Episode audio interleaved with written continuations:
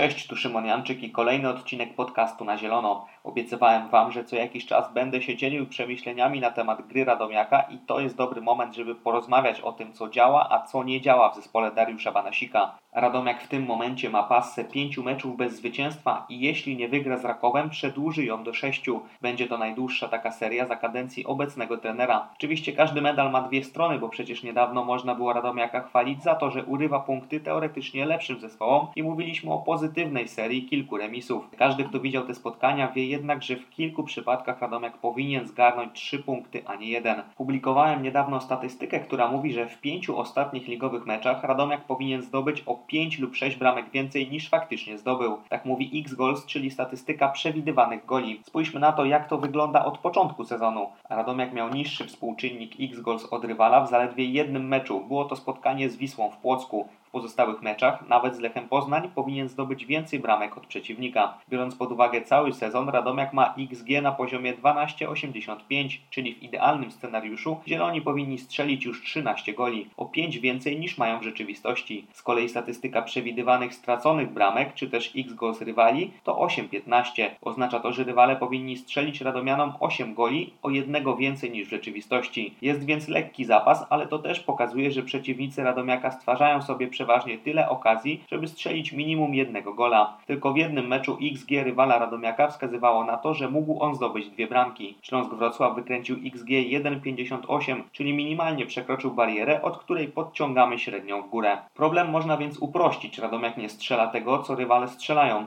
Oczywiście nie sprzedam Wam tego w takiej formie, tylko trochę bardziej zagłębię się w ten temat. Jeśli chodzi o to, kto ma największą różnicę między przewidywanymi a rzeczywistymi golami w zespole z Radomia, możecie być zaskoczeni. Czołówka wygląda tak. Dawid Abramowicz, XG 1,69 i 0 bramek. Mateusz Radecki, XG 2,26 i 1 gol. Karol Angielski, XG 2,94 i 2 gole. Nie jest więc jednoznacznie tak, że wszystko można zrzucić na nieskuteczną dziewiątkę. A skąd duża różnica Abramowicza?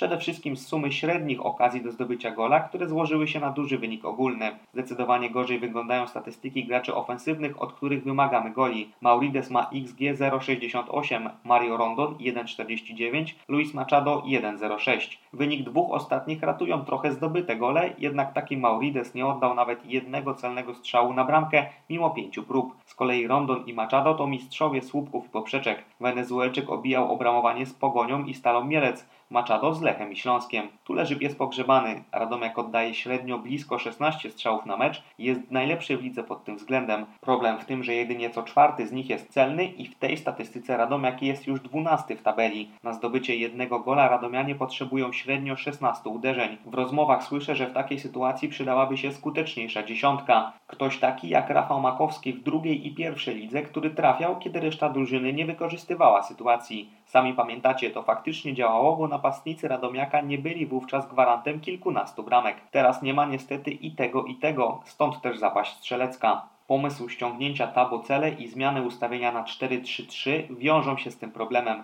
Oczywiście to, czy taka zmiana przejdzie, nie jest jeszcze, że tak powiem, klepnięte ale nawet jeśli Radomiak zostanie przy 4-2-3-1, będzie testował na dziesiątce kolejne opcje. Miłosz Kozak się tu nie sprawdził. Nie rozumiałem tego ruchu od początku, bo widać było, że Miłosza ciągnie do skrzydła i że niekoniecznie ciągnie go do obrony. W meczu ze Śląskiem na przykład wygrał jeden z 19 pojedynków na ziemi. To wręcz tragiczna statystyka dla piłkarza na tej pozycji, ale ciężko mi mieć do Miłosza pretensje. Przecież nie każdy zawodnik może szybko zaadaptować się do nowej roli. Widzimy więc, że mowa o braku jakości czy efektów poszczególnych prób, a nie o braku szczęścia. Jeśli trafiasz w poprzeczkę lub słupek 5, 6 czy 7 razy, to już nie jest brak szczęścia. Potwierdzenie takiej sytuacji widzimy w kolejnej statystyce. Liczba ataków pozycyjnych w danym meczu świadczy o tym, że Radomiak kontroluje mecze i gra piłką. Stal Mielec, Śląsk Wrocław i Pogoń Szczecin. W każdym z tych spotkań Radomianie zanotowali większą liczbę takich ataków niż ich rywale. W meczu ze Stalą ta różnica wynosiła 78 do 40, czyli Radomiak przeprowadził de facto dwa razy więcej ataków pozycyjnych niż Stal. Gra w piłkę jest, jak najbardziej. To wszystko się zgadza. Nie zgadza się finalizacja, nie zgadza się także wykorzystywanie stałych fragmentów gry. Co jakiś czas polecam Wam stawianie na rogi w meczach Radomiaka, bo zwykle jest ich wiele. Według Extra Stats Radomiak jest trzeci w lidze pod względem liczby kornerów, a przecież ma zaległy mecz do rozegrania. Problem w tym, że padło po nich okrągłe zero bramek. Radomiak jest ostatnim zespołem w lidze, który nie strzelił jeszcze gola po stałym fragmencie gry, nie licząc rzutów karnych. Jednocześnie jest też najlepiej broniącą drużyną po SFG, więc znów dochodzimy do kwestii finalizacji. Dariusz Banasik to widzi, próbuje nowych rozwiązań, zmienia wykonawców i to cieszy, bo trener reaguje, a nie szuka wymówek o braku szczęścia. Jako ciekawostkę dodam, że w meczu z Pogonią Radomiak stracił bramkę po strzale głową po raz pierwszy od 30 kolejki sezonu 2019-2020. Przez rok, dwa miesiące i 8 dni nikt nie strzelił mu w ten sposób gola, co jest imponującą passą i kolejnym dowodem na to, że Radomiak, nawet gdy popełnia mały błąd, nie jest przypadkowo grającą drużyną. No właśnie, ale skoro o małych błędach, to przejdę do krótkiej analizy meczu ze Stalą Mielec. Z czego wynikała ta porażka? Z niezrealizowanych założeń na mecz. Pytałem o to, jaki był plan taktyczny zespołu na spotkanie w Mielcu. Usłyszałem, że Radomiak miał grać w niskim pressingu, trochę inaczej niż zwykle.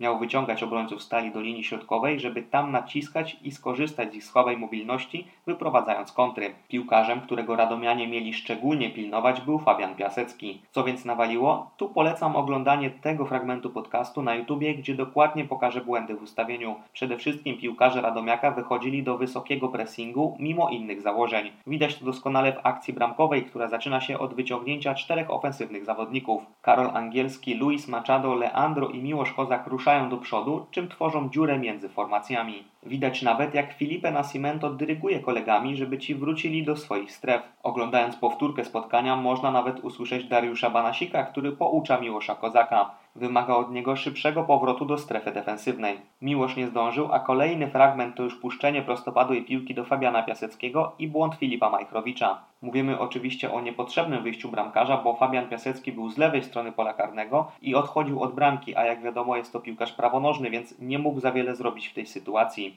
Niemniej jednak źródło problemów leży gdzie indziej, to po prostu efekt końcowy. Podobnie było na początku pierwszej połowy w innej sytuacji, w której urwał się Piasecki, ale tu można już trochę usprawiedliwiać. Jakubik stracił piłkę na własnej połowie, gdy Radomiak szykował się już do kontry. Potem było już dośrodkowanie w pole karne, wygrana głowa Fabiana Piaseckiego, choć chyba nie do końca czysto, i obroniony przez Majchrowicza strzał Maka. Niemniej jednak nietrzymanie się planu taktycznego było największym błędem, jaki popełnili Radomianie, stąd też zmiana już w przerwie. Podobno zmian miało być więcej, ale Dariusz Banasik chciał jeszcze dać szansę kilku zawodnikom, wierzył w szybkie zdobycie gola. Nie udało się, ale problemem było raczej to, że znów trzeba było gonić wynik niż taktyka na drugą połowę. Okej, okay, dośrodkowania to nie jest idealny sposób na zdobycie bramki. Już dawno udowodniono statystycznie, że znacznie skuteczniejsze są płaskie podania w pole karne, ale jednak przy stanie 0 do 0 wyglądałoby to inaczej. Warto też zwrócić uwagę na to, że jest to kolejna sytuacja, w której podanie za plecy obrony Radomiaka okazuje się fatalne w skutkach.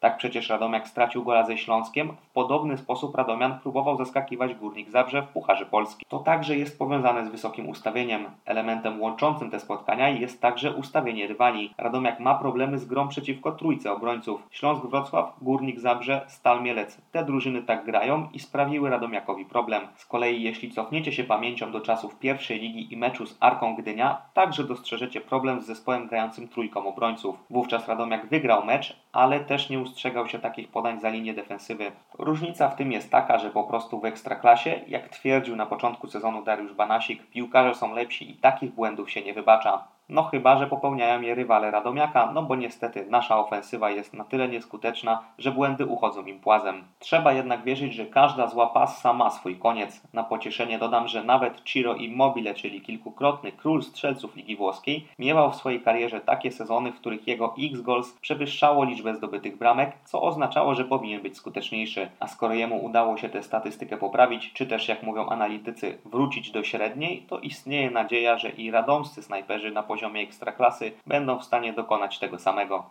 Teraz jednak przed Radomiakiem mecz z Rakowem Częstochowa, czyli kolejną drużyną grającą trójką z tyłu. O jakości piłkarskiej już nie wspominam, skupiam się tylko na ustawieniu. Ten mecz pokaże, jakie wnioski wyciągnęli zawodnicy z tego, co przekazał im Dariusz Banasik po meczu. Na dalszą niesubordynację taktyczną nie będzie już miejsca, bo coraz więcej punktów ucieka Radomiakowi. A że byłem ostatnio w Rzeszowie na meczu Stali z Rakowem, wiem, że Częstochowian można zaskoczyć, jeśli tylko skrupulatnie wypełnia się założenia taktyczne trenera na dane spotkanie. Przekaz jest więc krótki. Trzymajcie się taktyki i wszystko będzie dobrze. Dzięki i do usłyszenia, a jeśli macie jeszcze jakieś pytania o postawę Radomiaka czy informacje dotyczące klubu, zapraszam do zadawania ich w komentarzach, czy to na YouTubie, czy w moich social mediach.